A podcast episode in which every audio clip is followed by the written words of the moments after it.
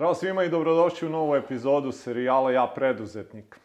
E, danas smo u Jagodini u jednoj porodičnoj kompaniji koja zaista redko onako za naše uslove imajući u obziru negde našu istoriju, svoje korene ima preko pola veka onako negde ovaj, da su daleko, što kažem opet nije nešto što je uobičajeno za naše tržište. I iz tih korena je onako proizašla zaista jedna fenomenalna porodična kompanija koja zaista radi fenomenalne stvari ne samo na tržištu Srbije, nego i na evropskom i na svetskom. I koja je u toj svojoj industriji, u tome što radi i najveće ovde na Balkanu. Tako da mi je stvarno veliko zadovoljstvo da vam predstavim osnivača te kompanije, gospodina Miroljuba Radovanovića, koji je negde onako i prepoznat tako po svojoj firmi, kad, kad vam onako negde uz nadimak vežu ime firme kao što je njemu, jel tako, Miki Jela. Miki Jela, da. Tako svi znaju. tako je. Ovaj, e, pa, e, prvo da ti se zahvalim, Miki, na, na dobrodošlici ovde kod tebe u firmi. Hvala ti na vremenu odvojenom. Dobrodošao ti kod nas u serijal i ja evo za početak da zamolim da ti kao najmerodavnija negde osoba predstaviš i sebe i firmu i šta je to što vi radite. Evo, zvanično preko tri decenije, ja kažem, koreni su negde još dalje. Da, da, tako je. Tako je. Pa evo ovako, prvo, uh, hvala Đorđe tebi što radiš ovo, ovaj posao koji radiš. Ovaj, što je neko, eto, izdvojio neko svoje vreme da baš o nama ljudima priča uh, o kojima se baš nešto mnogo i ne priča u našoj državi. Moram da priznam. Nažalost. Nažalost, tako je. I ovaj, zaista ti hvala i na vremenu i na ideji i na tome što radiš i propagiraš naš, e, našu populaciju privrednika, preduzetnika u ovoj, u ovoj našoj državi. Ta reč preduzetnik je E, ima jedno vrlo veliko značenje, a nekako kod nas je malo mm -hmm. i ne baš tako. Mm -hmm. Nije baš tako mišljenje. Ali nadam se da, kao što smo se i složili malo pre, prve smo nekako generacije, e, razvijamo te neke biznise, svi smo otprilike 90. godine krenuli to posle postkomunističko vreme, mm -hmm. da ga tako nazovemo. Pa sad treba napraviti i kapitalističko vreme, a tu su drugi neki aršini i neke, neke drugačija, neka, dru, neke, neka merila vrednosti koja se drugačije malo gledaju nego tamo mm -hmm. u ono vreme. Ovaj, e, volimo da se ugledamo svi na zapadni svet, koji je napredan, zaista, i tu nema dileme, koje je mnogo pre nas e, ovaj, imao te početne faze pa su sad već u nekoliko generacija ovaj, iza toga i zaista mogu da nam služe kao primer što ja i koristim na kraju krajeva. Mm -hmm. Tako, eto, bilo je to vreme kad sam krenuo, da li da pričam onu najlepšu ili onu najružniju stranu, to nisam siguran.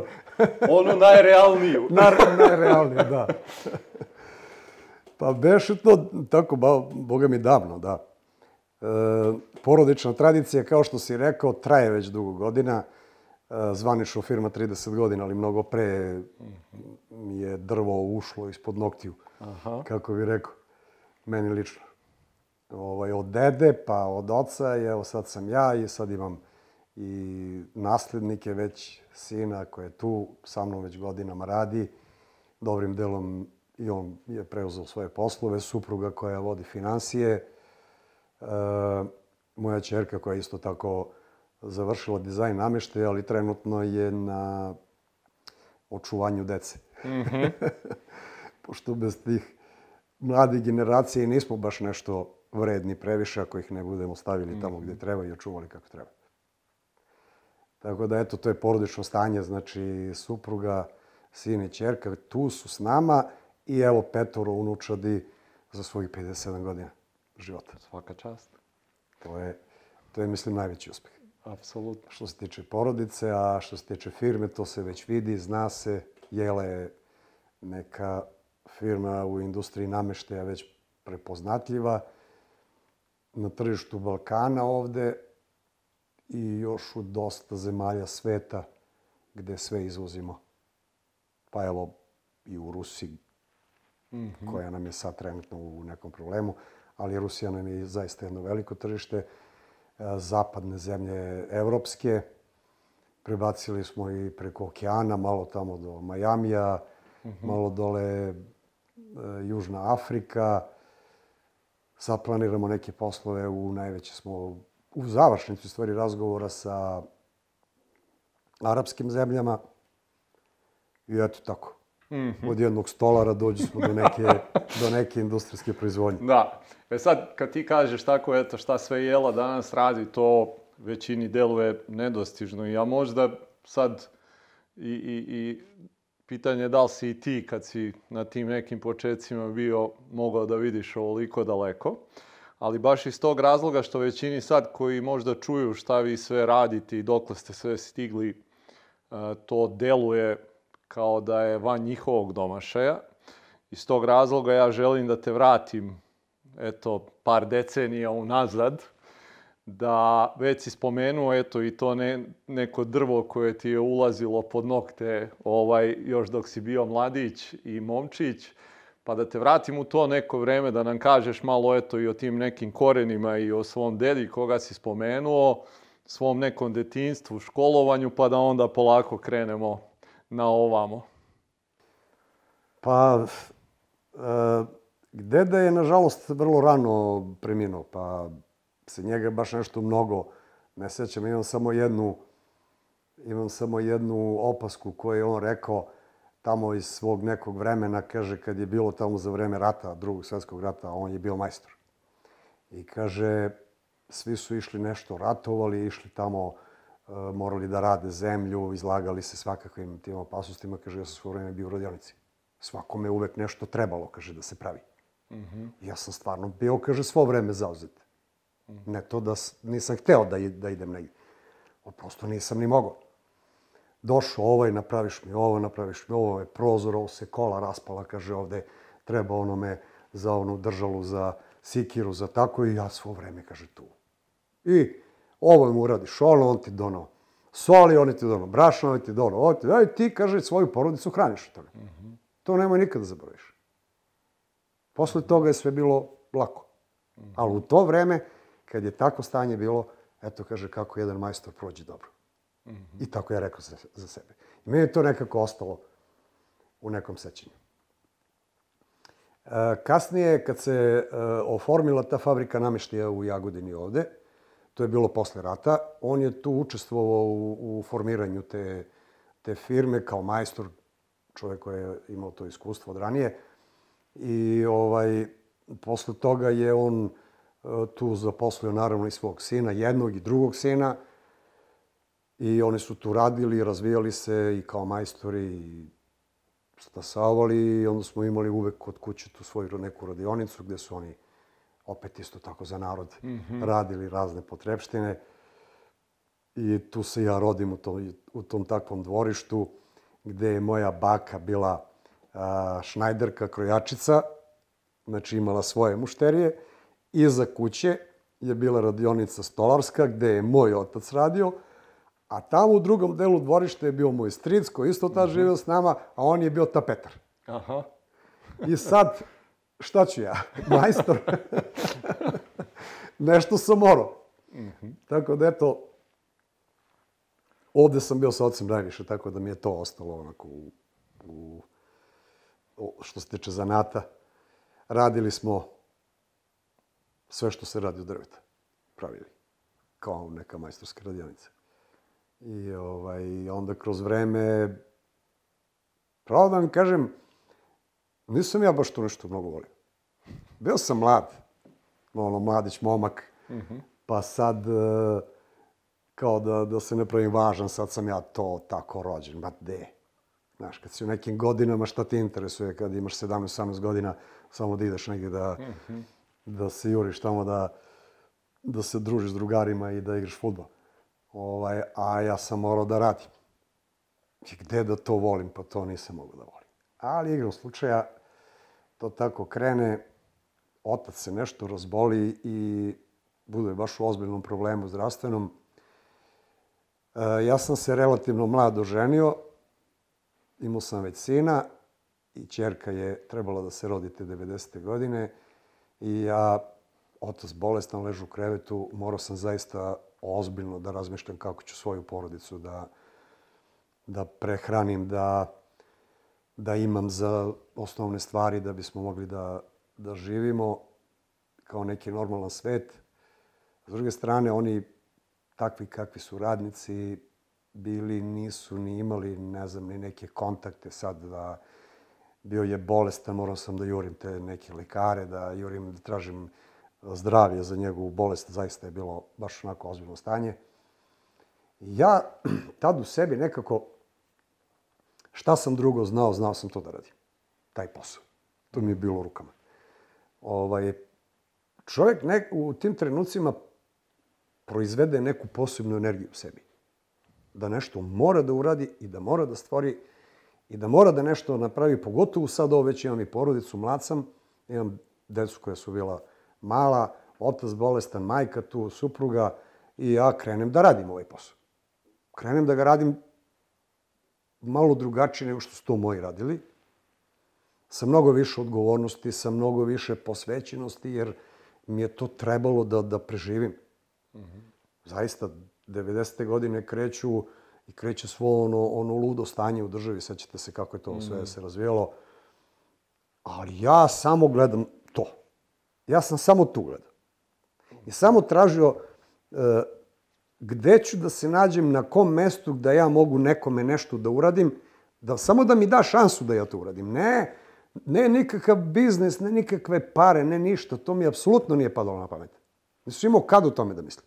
Samo sam razmišljao kako ću doći do Đorđa ili Pere, Mike, Žike, da mi da poverenje, da mi da posao. Da bi mogo da ga ja radim i ja kad znam, kad ga budem radio, ja ću tu uraditi najbolje što mogu i onda ću od toga da živim. Eto, tako je to se razvilo u meni, kao ta, je, takva mhm. energija. Ta energija koja se tad tako razvila, u meni dan dana živi. Neverovatno. Znači, meni je potrebno samo malo otvoriti vrata. Mm -hmm. I posle kasnije taj ko mi je otvorio, otvori sam. Zato što ja uvek želim da se dokažem na jedan naj, uh, najbolji način, najodgovorniji, da ako je, sam s nekim ugovorio neki posao, to je meni mnogo velika obaveza i ja prema tome moram da budem strašno odgovoran i posvećen svemu tome i znam da će rezultat biti dobar. Eto, tako je to sve bilo. To je sad poruka za svakog ko hoće da radi. Ovo je osnovna stvar da bi mogo da uspeš. Znači, moraš da se posvetiš poslu maksimalno, pa i više, da bi on na kraju dao tebi neki rezultate. Šta su bile neke te prve stvari koje si pravio eto, za te klijente koje si uspeo da nađeš? Je li to bio nameštaj ili šta god ti je palo pod ruku? E, Moj otac je e, tamo kad se zaposlio u toj fabrici, ovaj, završio za tokara, takozvanog. On je bio baš specializovan kao tokar u, u toj fabrici nameštaja. Oni su tad pravili one stare vitrine, one kredence. Ja imam jednu lepu sliku, samo jednu jedinu od dede koju ću vam posle pokazati kako mm -hmm. izgleda, iz te fabrike. E, te takozvane kredence smo svi, svi su imali u kući. Mm -hmm. To je bio tad nameštaj za, za kuću, tad dnevna da. soba, taj kredenac. Ovaj, I sad taj kredenac ima te nožice dole ovako, one okrugle, mm -hmm. trakslovane. I to, je, to su radili ti tokari na onom strugu Aha. za drvo. Okay. E, on je taj posao radio u toj fabrici. I proizvodili su kolevke za, za male bebe. Kolevke mm -hmm. ove za bebe. Mm -hmm. I sad to su bile one kolevke koje imaju oni, one kao stubiće ovako trakslovane drvene, male, puno ovako ih ima oko onog, onog glavnog mesta gde beba leži. I on je tad radio na jednoj automatskoj mašini koju su oni tad kupili u Italiji, pa je on bio tamo na obuku, obučavao se i kad je stigla mašina ovde, on je na njoj bio tu glavni kao majstor. Mm -hmm. Tako da je on posle kući sam sebi pravio taj tokarski strug. Mm -hmm. I to nam je bio dodatni posao u kući da, da radimo, to je prvo njemu. Ja sam taj zanat prvo naučio. Ja sam postao tokar. Znači ja, e, naš posao glavni je bio da radimo ove gelendere za, za stepenište. Drvene gelendere, pa one okrugle Da, stuviće. da, Da, da. I ona gazišta drvena, tako. E, to je bio, to su bili početci. Napravili smo ne znam koje količine, hiljade i hiljade tih, tih stubića za drvenih za gelender. Koliko dugo traje taj deo negde gde, gde ti to sve radiš sam? U prvom licu, ono. Pa, boga mi, traje... Traje... Pa, pazite, kad sam 90. godine uh, otvorio firmu, ja sam već morao da imam neke ljude tu koji su radili. Ja se sjećam, 92. godine smo tamo proširili neku radionicu, to smo već imali 7-8 ljudi koji su bili s nama tu, radili. Ovaj, i tako to kreće, nikad manje nismo imali posla. Koliko je bilo teško uopšte da tad ono, govorimo kraj 80-ih, početak 90-ih, gde još uvek nije bilo, rekao si na početku i tu smo apsolutno saglasni preduzetništvo ni danas, ni preduzetnici nisu baš onako, kad se kaže sama reč da izaziva prvo pozitivnu asocijaciju, a pogotovo pre 30 i nešto godina. Koliko je tebi bilo teško tad odlučiti se u tom trenutku, e, otvorit ću kao svoju firmu i bit ću preduzetnik? Pa, Đorđe, ja sam tad bio mlad, nisam imao pojma. Nekad neznanje bude od pomoći. Pa evo, to je najiskreniji odgovor, zaista. Nisam imao pojma. Mi smo tu krenuli da radimo, razvijamo taj posao i jednog momenta kaže meni, uh, ja sam uvijek imao neke ljude koji su bili stari kao neki primjer. U, u svemu. Tako sam se nekako razvijao. Uvijek sam tražio nekog iskusnijeg da mi nešto kaže, da nešto naučim, da nešto saznam, da bi ja mogao da sam to isto radim ili da, da nađem svoje mesto u, u svim tim pričama. Tako sam imao tu jednog, baš ko je bio blizak s nama, uh, jedan čovjek koji je imao neko veliko stovarište u to vreme.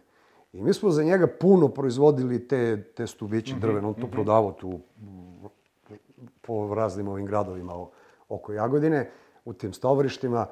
Uh, te 90. godine uh, ja dođem kod njega i on meni nudi te ogromne poslove, ali kaže, Miki, moraš da imaš firmu. Ja ne mogu, kaže, bez firme da radim s tobom. Kako firmu, brate, gde sad, kako, gde, daj nemoj da me teraš, sad otvaram firmu, ja radim 24 sata, mi to radimo. To nestaje. To nestaje. Znači, kako smo krenuli da radimo to serijski, to nestaje, znači, sa proizvodnjom. Ja u toj celoj firmi radim na mašini. Nemam, ja sad tu spravim nekim biznismenom ili sad neki menadžer ili sad to neka nova ime. ovaj, kaže meni, moraš Miki. I on mene natera da ja otvorim tu firmu. Ja otvorim taj SZR Jela, je tad otvoren. Sećam se, sedimo je supruga na jednoj terasi i to jutro trebam da odem u opštinu da otvorim firmu. Kako da se zove firma? A ispred kuće imamo jednu jelu koju je moja baba donela iz Francuske još 70-ih neke godine, ona već ovako velika porasla. Rekao, ja ovako, jela, bit će jela, šta? To je asocijacija za drvo, za moju branšu. I tako ti dođe jela. I ja ti otvorim tu firmu i on je mene, ja dođem kod njega sad i, i, i donesem one račune kako je to nekad bilo. I rekao, bio nadimak Čiča, zvali smo ga Čiča. Rekao, Čiča, aj napiši ovaj račun, molim te, ja ne znam napišu račun. Mali, pokazat ću ti, ali sledeći put sam. Dobro. I naravno, tako je krenulo. To je bio taj početak. Kako, e, rekao si da sad tu i dođu neki ljudi i neki zaposleni. I kako izgledaju ti početci što se tiče e, tvog nekog, ajde sad da kažeš, poznaješ zanat i obradu drveta, ali sad dođu i neki zaposleni, pa onda u jednom trenutku, ok, ono što si rekao, nisi direktor i menadžer, ali ipak moraš da naučiš neke stvari dodatne koje nisu možda vezane za obradu drveta, nego sad za interakciju, za upravljanje tim ljudima. Kako to izgleda u početku što se tebe tiče? Šta moraš da učiš i da menjaš kod sebe? Pa, to je sad ozbiljan proces koji mora da traje. taj proces e, uhodavanja, pravljenja tih ekipa, upravljanje sa tim nekim ljudima, da kažem pravo, to su bile proste manufakture, nije to sad mm -hmm. bila ne znam kakva organizacija. Mm -hmm. Sad imamo organizaciju, Jasne. ali tad u početku je to bilo prosto vezano na sve ono na taj neki ljudski odnos da radiš s tim ljudima kao i sa svakim kolegom što radiš svaki dan. Da samo što si morao da ih delegiraš ti na posao šta će ko da radi. I meni to nije bio problem. Mm -hmm. Meni je to nekako ležalo s tim ljudima, taj odnos. Mm -hmm.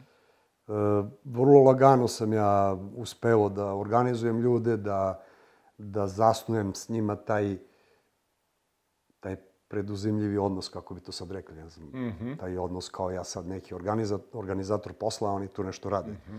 Kod mene, u stvari, rade sa mnom, pošto sam ja tad bio na mašini. Mm -hmm. I tako je to išlo. Šta? Ljudi su vredni, naravno tražiš e, ovog boljeg, e, došao neki, pa nije bio baš zadovoljavajući, onda si morao njemu da kažeš da više nije, onda je došao neki drugi i tako se polako to... Mm -hmm. Šta su ti bili možda e, ono neke stvari koje si gledao kad si trebao eto da zaposliš neke od tih ljudi? Šta si gledao u njima? Pa kao i danas. Tu se, u nama ljudima se ništa specijalno nije promenilo ono što sam malo prepričao koliko sam knjiga iz filozofije pročitao. E, filozofije su ljudima pisali o ljudskom rodu pre hiljade godine. I dan danas su stvari iste. Mm -hmm.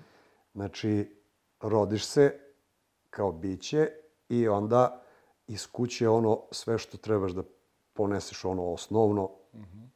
Ono, ona polovina tvoja kakav si čovek, mm -hmm. kakve si navike stekao u svojoj kući, u svojoj porodici, a druga polovina čoveka je ono šta će on kasnije da, da, da bude profesionalno, da se razvije u kakvog profesionalca, dokle će moći da dosegne.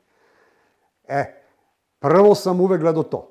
Jer to je valjda ono osnovno ljudsko što čovjek može da prvo prepozna. Mm -hmm. Da li si dobar čovjek, kakav si kolega, kakve su ti radne navike, da li slušaš drugog kad ti priča mm -hmm. ili si ono pun sebe ili si tvrdogled, tako kako bi rekli. Mm -hmm. Ovo, ovaj, to, je, to je ono prvo kako prepoznaš tog čovjeka. Mm -hmm. A kasnije, ako on to sad ima, te neke osnovne stvari, onda je lako nadograditi ono drugo. Mm -hmm ono, naučiti ga nekom poslu, zanatu, naravno to treba vreme, treba biti strpljiv, ali mnogo ljudi je prošlo kroz firmu. Mm -hmm. Od tih godina do, do sad, mnogo. Mm -hmm. Zaista, mnogo. Mnogo je, mnogo majstora je iz firme otišlo. Mm -hmm. Došli su kao ovi dobri ljudi, mm -hmm. trudili se, radili, dali svoj doprinos svemu tome i onda na kraju je potpuno logično da čovjek želi i da sam ode i da sam nešto pravi i da radi. I eto, mnogo takvih mm -hmm. mladih ljudi, mlađih momaka. Uglavnom sam bio tip koji je nekako s mlađim tim ljudima radio. Ljudi mlađih generacija. Mm -hmm. Tad u to vreme su bili moje generacije, a, a onda sam... Uh, sad, sad samo lepo da objasnim ovo. A onda sam sa tim godinama i tim generacijama i tom starošću nastavio da do dana današnjeg to isto imamo. Prosek ljudi u današnjoj jeli je 32 godine. To je sve mladost. Da. Zaista. Ja sam sad, ja i još par koleginica smo tu u najstarijoj firmi. Tako da taj nivo godina koji je tad započet da dan da straje. Reci mi, e, šta su bile neke stvari koje su dovele do toga da, da recimo ako sad moraš da gledaš unazad neke iskorake koje su se dešavali pa je Jela napredala, šta je bio možda prvi taj neki značajniji iskorak i šta je se desilo da ste prešli na jedan malo ozbiljniji nivo ili kako god to sad da nazovemo? E, šta se desilo? Desila se ta, ta stalna želja da, da nešto vidim, da uradim nešto novo, da napravim neku inovaciju. Ne inovaciju da ja sad izmislim šta je. Mm -hmm. Razumeli smo se malo pre, nemaš ti šta više da izmisliš, samo mm. trebaš da uzmeš tamo šta je neko već smislio, doneseš tu na tvoje mesto gde si ti, primjer radi ovo odem, počeo sam da pratim sajmove To mi je bilo prvo. Znači, e, jer sam vrlo brzo skapirao da e, neću imati ja mnogo šta da učim ovde iz moje, mog okruženja ako ne budem izašao iz njega. To sve što sam imao da učim, to je bilo vezano za zanat. Sam zanat. Da. I taj neki nivo tehnologije koje, koji su imali, e, imali ti neki e, kolege od mog oca. Bilo je tu desetak dobrih stolarskih radionica u Jagodini u to vreme. Da, ali baš stolarskih radionica kao što je bila naša.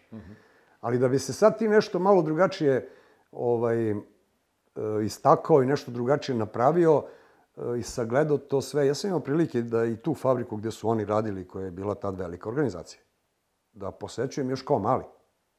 Oni su imali 400-500 ljudi u toj, u toj firmi. I tako kao mlad čovek krenem da, da idem iz zemlje i posećujem neke sajmove u inostranstvu.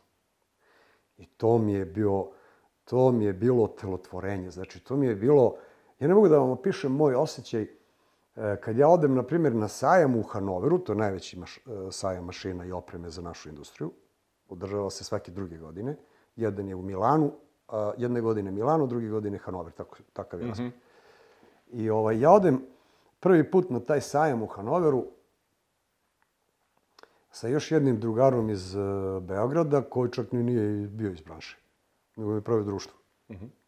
Ono, htjeli smo da odemo malo do Nemačke, da vidimo šta se radi. I to je bilo još 92. godine i ja se vratim od tuda, to jest odemo na taj sajam, ja sam bio kao Alisa u zemlji čuda. Oduševljen. Neverovatno oduševljenje. Valjda sam ja takav čovjek, ne znam. Tu se čovjek tako pokazuje. Ja mislim da još od malena mi imamo neke predispozicije malo. Ko, je, ko će biti preduzimljiv ako ne? Ne može svako da bude na tom nivou preduzimljiv. Neko je preduzimljiv pa do neke granice, pa neko do neke i onda tako, tako, tako nam se uspeh i meri negdje na tržištu. Ovaj, ja odem tamo i neverovatno kolika energija mene obuzme e, kad ja odem tamo da ja sve to vidim, da ja sve to saznam, da ja sve to prođem, da svako vidim. Ja sam, ja odem na sajam i kupim torbu tamo u Nemačkoj, ne ovde, onu na točkići. I dok je ne napunim katalozima, ne vraćam se. Pune torbe kataloga ja donosim iz Nemačke. I To krene, vratim se, dođem ovde i onda u svoje slobodno vreme ja to gledam. Tad je sve bilo u papiru, nije bilo ovako elektronski kao danas. I to su bili neki katalozi onako veliki, osmišljeni, napravljeni. E, onda dođu te kolege od mog oca, svi stariji njegovi vršnjaci, e, i dive se tome. Meni su se strašno divili e, kao mlad čovek, a toliko se angažuje, a oni su imali svi što neku decu koja nisu baš bilo tako angažovana oko svega toga, ni- nije ih interesovalo. Gde sam ja imao situacije, na primjer, posle godinu, dve, svi oni nešto hoće da idu na taj sajam, pošto sam ja bio, pa ih kao vodim, da krenu sa mnom. Ovaj, I kad dođe sajam, nigde nikog nema. Opet ja ovde sam. I ja se vratim sa sajma i oni su svi kod mene kao na sajmu posle. Svi dođu da vide gde je Miki bio, šta si radio, šta si vidio, šta ima novo, šta si ovo vidio tamo, kako se... Tako da sam ja to sve unosio ovde i zaista i svima njima delio to da oni to svi vide, da im pokažem kako se ovo radi, kako ono, kakva je mašinica za ovo, kakav uređaj za ovo, kako se radi ova stvar, kako se radi ova stvar. Kad sam te neke 92. i 3. godine doneo akumulatorsku bušilicu, šrafilicu ovu koju sad svi mi držimo u ruke, znači, došli su ti neki stari tu, ujutru su to znalo na kafu kod nas, našu radionicu, i tu sad sedimo i ja donao onu kutiju i otvaram i vadim ono na, na baterije, stavljam onu bateriju, tap, tap, tap, a, a ovaj jedan matur i gleda, šta? S tim da ti ušrafiš ovo? Aha, kad bi to moglo. Uf, to kad mi neko kaže kad bi to moglo, to me je iritiralo do ludila. E sad ću ti pokazati šta može.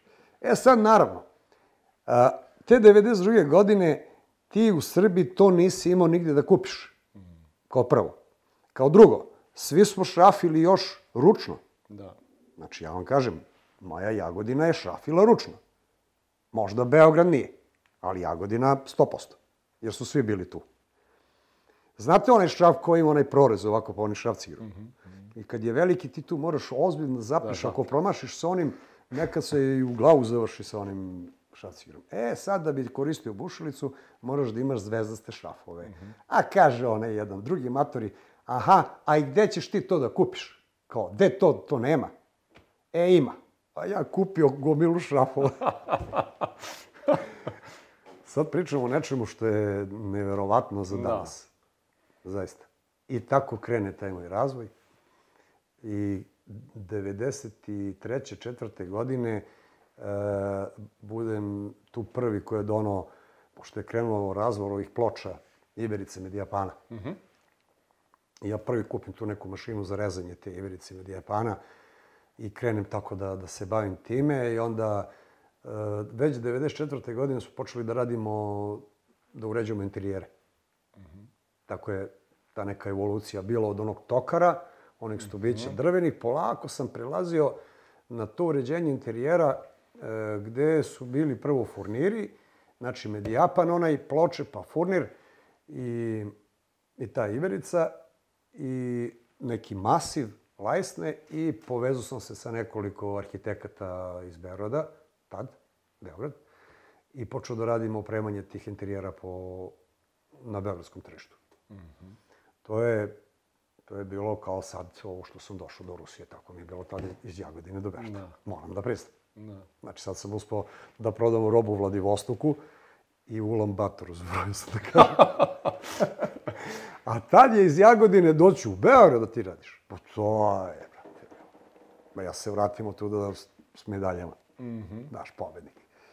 Ove moje kolege, starije, to jest očevi, prijatelji, drugari su bili onako strašno su me gotivili kao tako mladog čoveka koji taj zanat voli, unapređuje ga, ide napred i sad i oni uče nešto od mene, znaš. Mm -hmm. I onda ja kupim neke opremu te mašine i e, stalno sam težio da već sam tamo spoznao da ako budem želeo da napravim neki uspeh u, u našoj branši, e, moram da uđem u neku serijsku proizvodnju. Jer serijska proizvodnja je onaj vrhunac industrije, industrijskih proizvoda, ono e, kako nastaju fabrike, kako se formiraju fabrike, industrije, e, ono kako se osvajaju tržište, ono kako ti možeš da ideš negde u svet. E, moja mašta je bila da ću ja nekad u Nemačkoj nešto prodam. Da ću ja moći nekad nekom Nemcu ili Austrijancu ja da prodam a ne samo on meni. To je bilo nekako u meni živelo. Znači, dete iz male Jagodine, radnička porodica, nisam imao, moj otac nije bio direktor da, da sam mogao da imam i neke veze i sad nešto da me neko mm -hmm. povezu, da mi pomogne, tako da sam sve to nekako morao sam. Koliko je bila važna ta mašta? Najvažnije od svega. Najvažnije od svega. Mm -hmm. To je ona vizija, danas moderno rečeno. Mm -hmm. Od vizije nam zavisi e, budućnost. Mm -hmm. I te vizije, ako čovjek može da ih stvori u sebi i još ako i teži prema njima, pa ne mora baš sve da ispuni, ali bar do delove, pa onda godinama to tako ide, ja bih rekao da sam zaista svoje, svoje te snove i mašte i vizije onako dobrim delom ispunio. Jesi delio iste sa nekima? Da si rekao možda nekom prijatelju ili bilo kome bliskom tad, e, ja želim da prodam nekom u Nemačku nešto. Mnogo sam delio. Kako su zaista njihove reakcije bile? Pa, u mnogo slučajeva su bile ono, evo ovaj Miki, samo nešto mašta. Stvarno. -hmm. U mnogo slučajeva, nažalost. Mm -hmm. A danas ti neki koji me znaju iz tog vremena, sad sve to priznaju. Mm -hmm. Sve to priznaju. Mm -hmm. Beš tamo neki metalostrugar u Jagodini, radionica bila jedna velika. Mislim, veliko, to vreme imao čovjek desetak mašina nekih. I pošto sam ja tu stalno morao da radim neke, da pravim neke agregate, da napravim nešto, neku mašinu, neku dodatnu stvar, kako nešto da obrađujem, da radim. ovaj, ja sam često kod njega provodio vreme, a on je već bio stariji čovek koji je, uh, koji me obožavao što sam ja tako mlad, a bavim se tim takvim stvarima, da ja to hoću nešto da pravim, da ja sam nešto smislim, da dođem kod njega i kažem mu, sve sam u ruku crtao. Mm -hmm. Znači, uveče kad sve posle završim kući, sredim se, ja onda uzmem papir u ruke i sve iscrtam moju ideju, ono šta ja, e, šta ja mislim da bi trebao da uradim tamo, da bi onaj agregat bio bolji i da bi mi olakšao taj posao i tu radnju koju trebam da radim. I tako ja idem kod njega, ja često njega onako e, iznenadim time šta sam ja to sad smislio. I on me obožavao. I on me je naučio jednoj stvari, ovako mi je rekao, ta dva palca neću nikad zaboraviti u životu. Miki, on radi za onim strugom tako priča sa mnom i kaže, ovako se okrene kaže, Miki, zapamti ova dva palca. To će ti bude, kaže, to će ti biti najbolja asocijacija. Uh, ovaj je tvoja kuća, a ovo je tvoja porodica. I to su tvoje dve svetinje u životu. I jedna bez druge ne živi dobro. I ja do dan danas to imam u glavi. Mm -hmm. Što je se pokazalo kao prava istina. Mm -hmm. Kuća, e, to jest kuća i posao koji radiš. Znači porodica i biznis. Mm -hmm. Kad se to sklopi, tu se dobija taj naj, najstabilniji čovek, najstabilnija situacija i u kući i u porodici. Jer ako posao nije dobar, porodica trpi. Nije zadovoljna. Ako porodica nije pa zadovoljna, onda nećeš ni na poslu da budeš kako treba. Onda ćeš i na poslu da budeš loš. I sad ti nađi taj balans između svega toga. Je li bilo naći e, balans u tim početcima teško?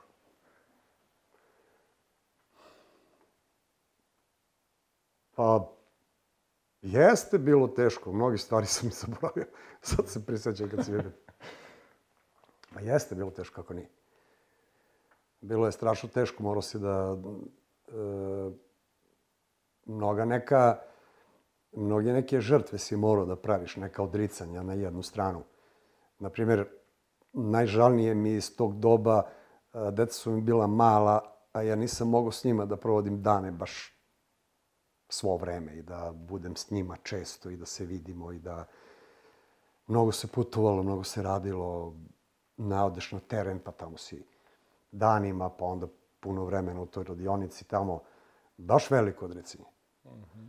Tako da su mi deca odrasla u tom periodu jesam je to obezbedio sve i sve je to bilo kako treba, ali tu mi je neka želja ostala, neka praznina od svoje dece. E, zato sad imam unučiće i sad s njima sve nadoknađujem. Evo kako život to vrati. Zaista vrati život. Reci mi, koliko dugo je trajalo da si ti ono za, za mašinom baš? E, trajalo je sve do dve, e, 1993. godine, kad sam izgradio jednu dodatnu prostoriju, jednu halu za proizvodnju i kad sam e, u veću broj ljudi, tad već možda negde dvadesetak skoro, e, on, tad sam već imao operativu, znači ljude koji rade na mašinama, proizvode i jedna grupa koja je išla, radila montaže svega. Mm -hmm. Što znači, tad kad je to krenulo, zaista nisam više mogao da budem baš direktno učesnik u na mašini. Mm -hmm. Onda sam morao da se malo izdvojim i da vodim tu organizaciju da, da bi što bolje i kvalitetnije funkcionisala. Koliko je bilo teško to delegiranje možda nekih obaveza? Većina preduzetnika u nekoj fazi tog razvoja ima problem malo da prepusti neke stvari. Pa, to su najteži trenuci. To, to zaista nije lako. To nije lako. Uh, vi sad delegirate nekog i taj neko doći i on krene tu da radi. I ostvario onaj prvi deo svoje ličnosti koji, o kome smo malo mm -hmm, pričali. Mm -hmm. I sad trebaš ti njega da, da nadograđuješ, učiš uh, i ti dođeš do nekog nivoa i on kaže sutra, e, znaš šta, izvini, ja sad više ne mogu da radim, ja idem sad, ne znam, šta drugo, šta, koji razlog ima. Mislim, čovjek slobodan može da ide. Ali tebi napravi toliko prazninu Znači, on otvori jednu ogromnu rupu tu pored tebe. Pored tebe. A ti stojiš na ivici sa te rupe. I trebaš da rešiš tu rupu, da je zatvoriš da ne bi upali u nje. E ti izazovi, to je, to je trajalo sve do e, te 99. godine kad sam ja e, rešio da se više ne bavim opremanjem. Kad sam ja osetio da sam potpuno sazreo da ja krenem u jednu ozbiljnu serijsku proizvodnju i 99. godine uh, mi krećemo u, u jedan posao gde ja uh, odbijam ljude koji, koji me zovu, koji su mi klijenti. Odbijam ljude i te poslove koje oni meni daju, to opremanje. I ja sad trebam da krenem da radim tu serijsku proizvodnju prvo. Sve sam ja to osmislio bio. Naravno, iscrto i dalje sve u rukama, mm -hmm. pošto tad nije, još nije bilo ovih programa. To jest, ja nisam, nisam to još imao, niti sam mogao da imam. Ovaj, pa sam morao sve u rukama da crtam, sve spojeve, sve ovaj, kontakte tamo, spajanja, I 99. godine, posle onog bombardovanja, ja krećem da radim tu serijsku proizvodnju. To je bio najveći strah koji sam pretrpio u životu. Najveća strepnja. Bilo je bombardovanje ono, tri meseca se nije radilo. Ja sam za to vreme e, smislio sve. Pošto nismo radili, -hmm. opravdano bilo, niko nije ni radio. I ovaj, ja sam tad sve to lepo smislio i kad je krenulo e, posle njega, kad je to prestalo, to bombardovanje, tad mi je supruga već bila došla u firmi i zaista sam tad imao s kim da delim te neke poslove, da ja ne moram više da se bavim bar tom papirologijom. Mm -hmm. Znate, krenete od najobičnijeg knjigovodstva koje trebaš da radiš, da vodiš, imaš firmu. E, utrošci nekih repromaterijala, e, Uglavnom ta papirologija, sve to što, što je, što zaista optereće čovjeka. Znači ti sad, majstor neki, sad treba vodiš i papirologiju, pa to ne može. Moraš da to odvajaš. E, ona je već bila 96. 7. godine ona ušla u firmu. Ovaj, I ona je to već dobro preuzela i onda smo već zajedno počeli da da te poslove, kako bi rekli, delegiramo. Ona radi ovaj deo posla i radim ovaj deo posla. On se ja posvetio toj proizvodnji. Ona je se posvetila tim papirima, dokumentacija. Još ta smo mi imali neke uvoze već, onako. Mm -hmm. I onda sam ja mogao sebi svoj doprinos da dam da dobro osmislim taj naš proizvod. I tad krene taj naš prvi deči program Kiki, mm -hmm. po kome smo mi i danas mm -hmm. poznati. Znači, kompatibilni program, devet različitih komada nameštaja, devet elemenata, u tri različite Benetton boje. Tako je to, to bilo. -hmm. Znači, tri Benetton boje, devet različitih elemenata, gde svaki element još tad bio posebno pakovan u kutiju i imao svoju cenu. I onda si ti kao kupac u salonu došao i izabrao tvoje komade koje tebi odgovarali i kupio samo njih. Bili su demontažni, odnosi to kući, demontirao izmontirao u stvari i dobio svoj nameštaj. Naravno, to sam ja uradio smišljeno i ušao taj, u tu proizvodnju dečjih soba, jer je e, u tom momentu se javio veliki nedostatak tih dečjih soba na tržištu. A ja sam to već ispitao sa tim trgovcima koji su bili u to vreme, imali već salone nameštaja i oni su mi to rekli. I mi krenemo u tu proizvodnju tih dečjih soba 2001. godine sam kupio tri CNC mašine. To je bio uspeh. Neverovatan. Mi smo svake godine rasli, dobro, mala, od, od nule si počeo. Ma bo 350%, 400% nam iduće godine ode proizvodnje gore. Četiri puta više. Pet puta više, šest. 2006. godine, ma mi smo bili ozbiljno proizvođač nameštaja. Mi smo već 2006. godine uh, možda i neku godinu pre, sad nisam siguran baš tačno koju, već izlagali na sajmu u Novom Sadu, na primjer. Još tad je bio sajam namešten. I bili smo bom. Ono, top firma. Mm -hmm. Već tad, sa tim dečim sobama. Naravno, taj program se širio posle, pa je on dostigao bio neke razbere velike. i krenulo je prvo iz ovog našeg okruženja ovde i moja supruga to ima jednu, jednu anegdotu kad, e, pošto ona već prima te poružbine 2001. godine od, od nekih salona s kojima mi krećemo da radimo ovde iz okruženja i kaže, zovu me i mole daj mi ona tri stočića više, daj mi ovo pet komada više, daj mi ovde. Ljudi, nemam, nemam odakle da vam dam. Znaš, to sad kao, znaš, kao nemam. Zamislite, neko moli da nešto uzme. E, izvini, samo e, taj e, deo mi je jako važan da, da, da vidimo odakle većina preduzetnika tako negde u fazi razvoja dođe do trenutka kad svašta je nešto privlačno i sve što svetluca je zanimljivo da se, e, mogli bi ovo, mogli bi ovo, mogli bi svašta nešto. Jedna od ključnih isto stvari strategije je šta ne radimo.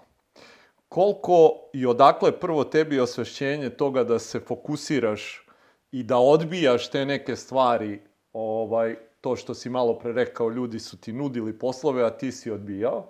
Odakle to osvešćenje kod tebe da se baš fokusiraš na to i da budeš spreman da kažeš e, ovo ne radimo? Pa, malo pre sam rekao da mi je to bilo najteže. Mm -hmm. Taj, ta prekretnica kad trebam da e, iz neke firme koja radi opremanja uđem u neku firmu koja radi serijsku proizvodnju. To su potpuno dve različite stvari. Mm -hmm. Mm -hmm. Firme koje rade serijsku proizvodnju ne rade opremanje. Mm -hmm. I firme koje rade opremanje ne rade serijsku proizvodnju. To je strašno diametralno različito uh, i tehnološki svakako i organizacijalno i svakako gledano. Zaista. Potpuno mm -hmm. druga sfera. Mm -hmm. uh, dotle sam došao zato što više nisam mogao da radim onaj posao. Uh, opremanje ti je uh, direktno vezano za te majstore koje moraš da imaš u firmi. Mm -hmm. Već tad je tu bio ozbiljan nedostatak mm -hmm. tih majstora. -hmm. Još tad sam ja, pričao sam malo pre koliko ljudi prošlo kroz firmu, postali majstori, naučili, otišli da rade sami. Mm -hmm. I to je tako, stalno se to tako dešava. Danas ko ima, koji radi taj takav posao, on isti taj problem ima. Mm -hmm. Ništa mu se nije promenilo. Mm -hmm. I stalno onu rupu veliku pored sebe. Mm -hmm. I strah, šta sad ako ovaj ode? Kako je rasla organizacija, što se i zaposlenih tiče i, i sve više posla, eto, i, i ta anegdota koju si rekao za suprugu da su ljudi molili da dobiju ovaj, uh, vaš proizvod. Kako dolazi do toga da i ti uh, osvešćuješ i, i, ili si možda i primoran da gradiš možda i neki menadžment pored ljudi koji imaš već da rade te tehničke stvari, šta je dovelo do toga da si počeo, osvestio da, da praviš i neki menadžment, odnosno neku organizaciju, sada to tako nazovemo? E, tih 90. godina e, savjetnik ekonomskog odeljenja pri švedskoj ambasadi u Srbiji je bio naš jedan jegodinac. Mm -hmm. Odavde. Jedan strašno dobar čovjek. Zaista. E, mi smo se tu znali iz Jagodine i on je meni puno pomagao e, tako što je više puta tamo negde u, u ambasadi i kad je ta Ikea dolazila, tu i neki njihovi ljudi, kad je on putovao tamo, on je tako uvek mene nekako provukao kroz neku priču malo. Tako da sam ja još tih nekih 90. godina par puta, ima, par puta imao situacije da e, s tim ljudima sedim, da pričam, da I u Jagodinu su dolazili čak ovde. Naravno, smo bila mala radionica. Mm -hmm. Ali e, ljudima su ljudi u stvari najinteresantniji. Znaš, jedno sam ja za njih kao takav mlad čovjek bio vrlo interesantan, što ja se strašno dobro razumem u sve, što ja to dobro znam da slušam kad neko priča, da, da, da bi nešto naučio. I onda smo mi pokušavali još tih 90. godina, kad je ono najluđe vreme Srbije bilo, blokade, one sankcije, čuda, ovaj, da ja s njima već tad pregovaram da možda neku proizvodnicu nešto osnujemo ovde. IKEA je firma koja, inače, e, i sama kad nađe nekog klijenta, ona hoće da investira, da, da, da da sve. I opremu, i investiciju pravi i vezujete za njih kao dobavljača. Još 90. godina sam ja e, već tu spozna, spoznao e, kako tu serijsku proizvodnju treba raditi, od njih sam to učio. E, zašto se tako neke stvari rade na taj način, e, kako se kreću projekat uopšte u IKEA jednoj, koja je bila svetska firma. Tako. Meni je bila kao, kao da sam dotakao mesec. Zaista. I to što su oni pričali, što sam ja od njih učio, e, ja sam tako polako i sazreo kao neki budući industrijski proizvođač. Tako sam ja spoznao to sve. I došao do tog nivoa da, da ne samo da sad maštam, nego da već i tačno znam procedure kako neke stvari treba urediti i raditi tu industrijsku serijsku proizvodnju. Eto, to je, to je početak. Današnji moj, e, danja- današnji naš proizvod nameštaj je zasnovan po principima IKEA. I slobodno mogu da kažem hvala IKEA za to sve moje saznanje. Zaista. Oni su mi bili primjer. Koliko je bilo teško implementirati sad to? Ok, znanje, jedna stvar. Koliko je sad bilo teško sve to uspostaviti u organizaciji koju imaš? Pa kad kreneš od dva paketa, praviš treći, od trećeg praviš četvrti, od četvrtog praviš peti paket. Šesti, sedmi, stoti, svi ovi prethodni su isti. To je već serija. I onda kreneš da proizvodiš jedan najprostiji komad, jedan naj, e, najprostiji jedan stočić koji, kad ga vidiš, on ništa specijalno nije ali je urađen u seriji. U hiljade komada. I prvi i zadnji su isti. I nema promene u kvalitetu. A isto tako i u kontinuitetu. Ako smo mi već sad se vezali za salone nameštaja, da snabdevamo salone nameštaja, ti saloni nameštaja su druge firme, znači, koje sarađuju s nama. E, kod njih ćeš e, biti primljen i imaćeš svoje mesto ako si ovo što sam prethodno rekao. Serijski proizvođač, uvek isti proizvod, kvalitet proizvoda i količinski uvek koliko oni traže. I to moraš da poštiš. I onda praviš lanac. I ideš dalje. Jel Sad imamo preko hiljadu salona koje snabdevamo. preko hiljada? Preko. Jesi, kad već govorimo o mašti malo pre, je- jesi nekad dobacivo do, do takve neke vizije? Pa nisam mogu u tom momentu da docim do te, te takve vizije, zaista. U nekom momentu kad, e, kad se uđe u tu serijsku proizvodnju, u nekom momentu ti prosto više i ne kontrolišeš to. Ti sad samo gledaš da, da što više to proizvodiš, da to ide. Primjer radi Srbija. E, Srbiju smo mi prevazišli za par godina. Zaista, sa, sa našim tadašnjim proizvodima koje smo imali. Vrlo brzo smo mi prevazišli Srbiju i krenuli polako ono za Bosnu. To su nam te prve tu države. Crna Gora, Bosna. E, u Hrvatskoj smo jedna od prvih firmi koja je izvezla robu. Zaista. Jedna od prvih. To je, ne znam, možda i hrabrost. Da sam ja tamo s nekim ljudima, sećam se neki široki breg bio. Nismo baš slavno prošli. Imali smo probleme tu neki. Nije važno sad. Ali to je ta hrabrost koja, ovaj, e, sreća koja prati hrabre. Mm Tako beš kaže. Jeste. Da. Da. E, to je taj moment gde, gde ti, e, kaže, imao sreće. Jeste, ali je bio i hrabar. Ali imao je i šta? I s čim? ne može kažeš imao je sreće i pravi nameštaj. Da. Jedno, samo sa sreće i nameštaj, to nije. Uh, malo pre, pre nego što smo počeli isto da snimamo zvanično, smo pričali oko toga koliko su ti neki skokovi možda nekad i opasniji nego od padova koje kompanija može da ima. Šta su bili neki izazovi tog brzog rasta koji si malo pre spominjao da ste nekad radili ono iz godine u godinu i po 3, 4, 5 puta više posla? E, šta su bili izazovi tako velikog rasta? Pa, prosto zahtevi tržišta. u tim godinama e, mi smo imali jedan ozbiljan vakum na tržištu ovde što se tiče nameštaja. Uh -huh. e, ona prethodna Jugoslavija, velika ona Jugoslavija, je bila vrlo e, respektabilna što se tiče proizvodnje nameštaja. U Evropi, a boga mi u delovima sveta. Uh -huh. U Americi, na primjer, je, se znalo da drvo i bukva koja, dola, koje, koja, do, koja dolazi sa ovo, ovog teritorija Balkana je jedno od najkvalitetnijih bukvi koje postoje na svetu. Mm -hmm. Zaista, to sam saznao kasnije od e, nekog profesora koji je dolazio ovde kod mene u poseti iz Amerike. Gde smo mi imali ozbiljne proizvodnje nameštaja od masiva, od drveta. Šta je bilo, šta se dešavalo? Znači, ogroman e, vakum na tržištu proizvođača, to jest e, na tržištu roba i ponuda. Saloni postoje prazni, nema robe. Ona bivša Juga je imala a, sve proizvođače nameštaja, a ti sad odjednom imaš neke zasebne države i te države više nemaju te proizvodnje.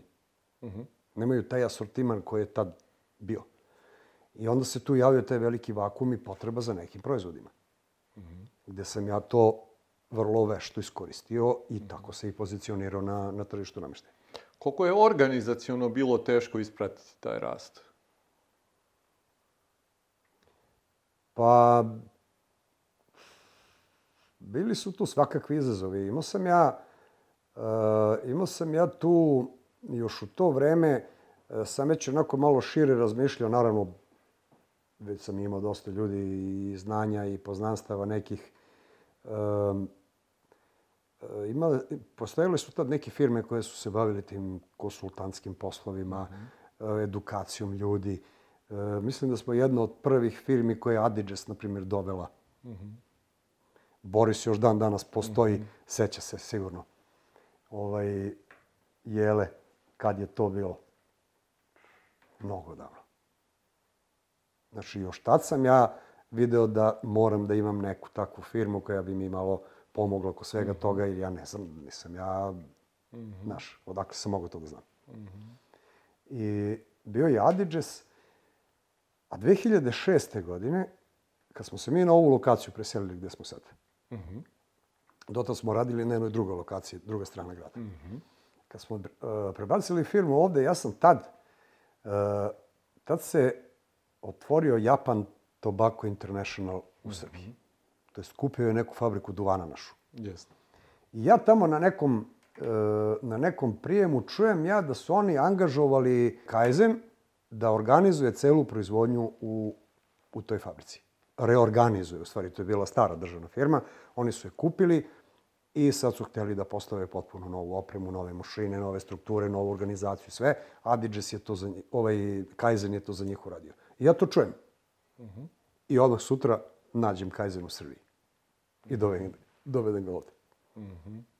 Prva ova hala koju smo ovde gradili je već tad imala prisustvo Kajzena i tih nekih organizacija, saveta, saveta ljudi koji su dolazili. E, znam da je bio, e, dolazio neki čovjek iz Rumunije i dolazio je neki Mađar.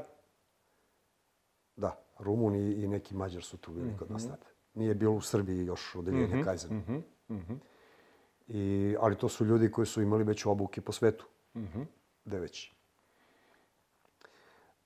tako se to nadograđivalo, tako sam ja uspeo da mm -hmm. rešavam neke situacije i da mi oni pomognu kako da to... Mm -hmm. e... I organizaciono i sve to papirološki propratiti mm -hmm. kroz mm -hmm. faze, kroz obrade, mm -hmm. kroz pravce kretanja, kroz proizvodnju, što su, to su, to su najveće uh, misterije u svakoj serijskoj proizvodnji. Mm -hmm. Skratiti za pola koraka onog čoveka koji tamo radi. To je veliki uspeh. Mm -hmm. Jer si ga ti već pet puta skraćivo. Mm -hmm. Ali i dalje gledaš da ga skratiš. Mm -hmm. I sad gledaš da se on ne pomere tatle.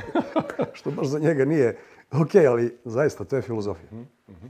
Ta, taj deo kupovine znanja ovde, veliki broj onako preduzetnika i dalje ima problem da angažuje nekoga da im donese tako nešto. Tebi je to delovalo, bar iz te priče, sasvim prirodno. Jeste. Jeste, stvarno sasvim prirodno. Mm -hmm. kao kod našeg Jovana Medovića, sasvim prirodno. Nemojte protiv prirodno ništa. Neke stvari zaista se čoveku kao priroda nameću i, i tu su u njegovoj blizini, treba samo da se malo okrene. I da se otvori. I kad se otvori, onda to lako uđu njega. Reci mi, gledano sad možda neki naredni korak i iskorak koji je Jela napravila, šta bi bio? Šta je dovelo da, ako gledamo te neke postupne faze, eto sad si rekao, spomenuo si malo pre proizvodnju tog dečjeg nameštaja, šta je možda bilo nešto sledeće ili je to možda bilo, eto, upravo taj deo organizacioni i primjena Kajzena u, u, u samoj a, proizvodnji, što vas izdiglo sledeći negde naredni korak? E, naravno, svo vreme, e, svo vreme rada e, nameštaj je roba široke potrošnje. E, nameštaj je e, svaki detalj u kući. Ono što svi mi gledamo svakog dana, s čim živimo svaki dan. I sad ti trebaš e, kroz taj dizajn i taj proizvod da zadovoljiš vrlo široke mase kupaca. Kad radiš nameštaj po meri za nekog određenog i neko opremanje, tebi je taj posao mnogo lakši. Ti imaš jednu ličnost, jednu osobu ili jednu kuću ili firmu za koga to radiš i taj jedan kaže, ha, ok, sviđa mi se ovo, praviš za mene. I ti si taj posao završio. A ja sad imam proizvod koji moram da projektujem, dizajniram, dovedem do, do serijske proizvodnje, do tačke da uđe u serijsku proizvodnju, proizvedem, ubacim u sva svoja skladišta, u sve svoje sisteme koji, koji postoje danas i onda ga kao takvog plasiram na tržište. To jest, taj proizvod dođe tamo u neki salon nameštaja. I on tamo stoji na svom mestu. Koliko je uspešan, to ćemo videti, ali posle godinu dana. Ili posle 5-6 meseci, ali najmanje godinu dana. Treba da prođe da bi neki proizvod ušao kao takav serijski u proizvodnju i onda da se proizvodi u nekim velikim serijama. Koliko si uspeo da pogodiš dizajn, dimenziju, potrebu za tim komadom nameštaja na tržištu, toliko ćeš da uspeš u serijskoj proizvodnji. Tako da to sve do onog krajnjeg potrošača je neizvesno. I ne zna se da li je uspelo ili nije. E, tu je ključ serijske proizvodnje. I sad mislim, sa ove tačke gledišta, meni je to sad lako. Ja sad to sve znam. Mi apsolutno ne, ne, ne promašujemo više proizvod. Apsolutno ne promašujemo proizvod. Mi sad imamo takav dobar balans u svim proizvodima, u prodaji. To se sad već prati, naravno. Statistike, softveri, programi, sve smo to kroz godine ovaj, nadograđevali. I sad imamo vrlo precizne podatke za sve. I neku istoriju koja to prati. I daje nam inpute, statistike da je taj proizvod ok, da treba da ide dalje i onda se on kasnije još malo i nadograđuje, pa se radi neki update, pa unose se neke nove površine, pa se i dizajn iz godine u godinu promeni, pa sad više nije interesantan ovaj hrast, sad hoćemo malo sivo, pa malo belo, pa sad je, na primjer, bela ludnica oko bele boje. Samo belo. Belo, belo, belo, svi traže belo. Eto, to su trendovi.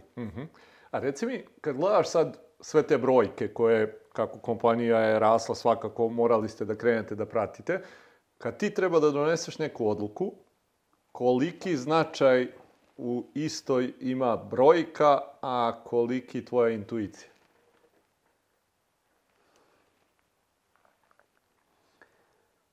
Ako je neki... E, znači, mi pravimo kolekcije. Mi proizvodimo kolekcije namještaja. Znači, kolekcija dnevnih soba, kolekcija spavaćih soba, kolekcija e, dečjih soba, e, kuhinja. Sad smo postali veliki proizvođači kuhinja, na primjer. E, ta iskustva naša se e, najbolje vide na tim sajmovima tamo. Ta naša iskustva. Ono što je moje iskustvo, ja sam tamo na onaj štand donao i stavio na sajmu. Ono što je tvoje iskustvo, tvoje firme, ti si isto tako donao. Naravno, trudio si se da to sve što si donao bude najbolje. Šta si ti mogo da smisliš? E sad, pošto su prošle godine veliki broj godina naše, našeg trajanja. Ovaj, to je ono ključ u trajanju.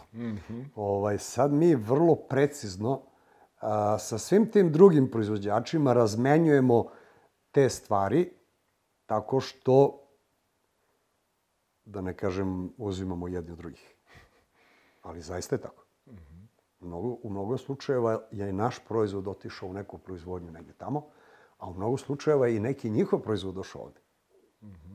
Prosto, sad si ti došao na sajmu tamo i onaj neki proizvođač iz Amerike, na primjer, došao, pošto su svetski sajmovi. I on je donao neki proizvod, on taj proizvod realno ovde ne može da proda. To je teško da, da sad on uspe ovde, kad već ovde ima takvih proizvođača, tih sličnih proizvoda. Ali taj njegov dizajn je bio dobar meni. I ja sam ga sad implementirao ovde. I uspeo da ga proguram na tržištu. Jer mi je već, e, egzistiramo veliki broj godina na, na ovom tržištu i mi e, kao industrija, kao proizvodnja serijska već e, diktiramo trendove. Sasvim ozbiljno diktiramo trendove.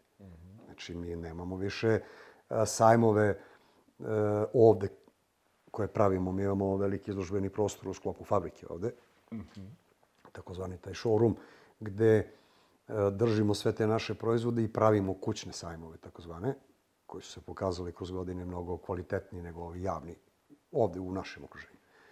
Da, I svi ovi ljudi dođu. Svi ti naši kupci dođu i plus i neki drugi sa strane koji su zainteresovani, novi. I onda mi e, prezentujemo te svoje proizvode i ti ljudi nam daju isto tako ta svoja mišljenja o svim tim proizvodima. Da li su dobri, da li im se svide, da li, da li nisu, da smo možda neku boju malo trebali drugačiju i tako. Uglavnom, oni su naši, e, e, naš, naš miris tržišta, ono, gde ti osjetiš da li je to okej ili nije. Tako ispipavamo to sve. I onda, posle tog sajma, mi vodimo statistike, tačno šta je e, koji kupac rekao, za koji komad, za, pošto je ovo nova kolekcija, onda se tu zaista vodi ozbiljno, ozbiljna statistika tih svih ljudi, šta je, kakve, ko komentare davo. I onda na kraju tu sedimo, svi zajedno u firmi i donosimo odluke šta je od svega ovoga prvo i šta mora da ide. Šta su stvari koje si ti morao da menjaš kod sebe kako je se jela razvijala? Kod sebe, Mhm, Lično, da. ovo mnogo sam morao da se menjam. Mnogo sam morao da se menjam, svakako. Pomalo, pomalo dobrim delom te i godine menjaju. A dobrim delom te menja i menja i taj odnos sa svim tim ljudima, svi ti kontakti sa tim ljudima. Čovek prosto mora da se promeni. Ne može da ostane isti. Da bi mogo da budeš u nekom krugu ljudi, ti moraš da pripadaš tom krugu ljudi. Sad vidi ako hoćeš. Ako nećeš, ne moraš. Ali ta želja da se menjam je upravo i, i moj uspeh. Čovjek mora stalno da se menja. I sad, s ove tačke gledišta za tri godine, bit ćemo opet neki malo noviji, savršeniji, finiji, jer kako nam idu godine, mi trebamo da do, dodamo iskustvo tim svojim godinama, pa da onda živimo sa godinama kako treba. Mm -hmm. Nikad mi nije bio problem kad sam počeo da odbijam sebe. Mm -hmm. Prosto to godine nose. Mm -hmm. Naprimjer. Mm -hmm.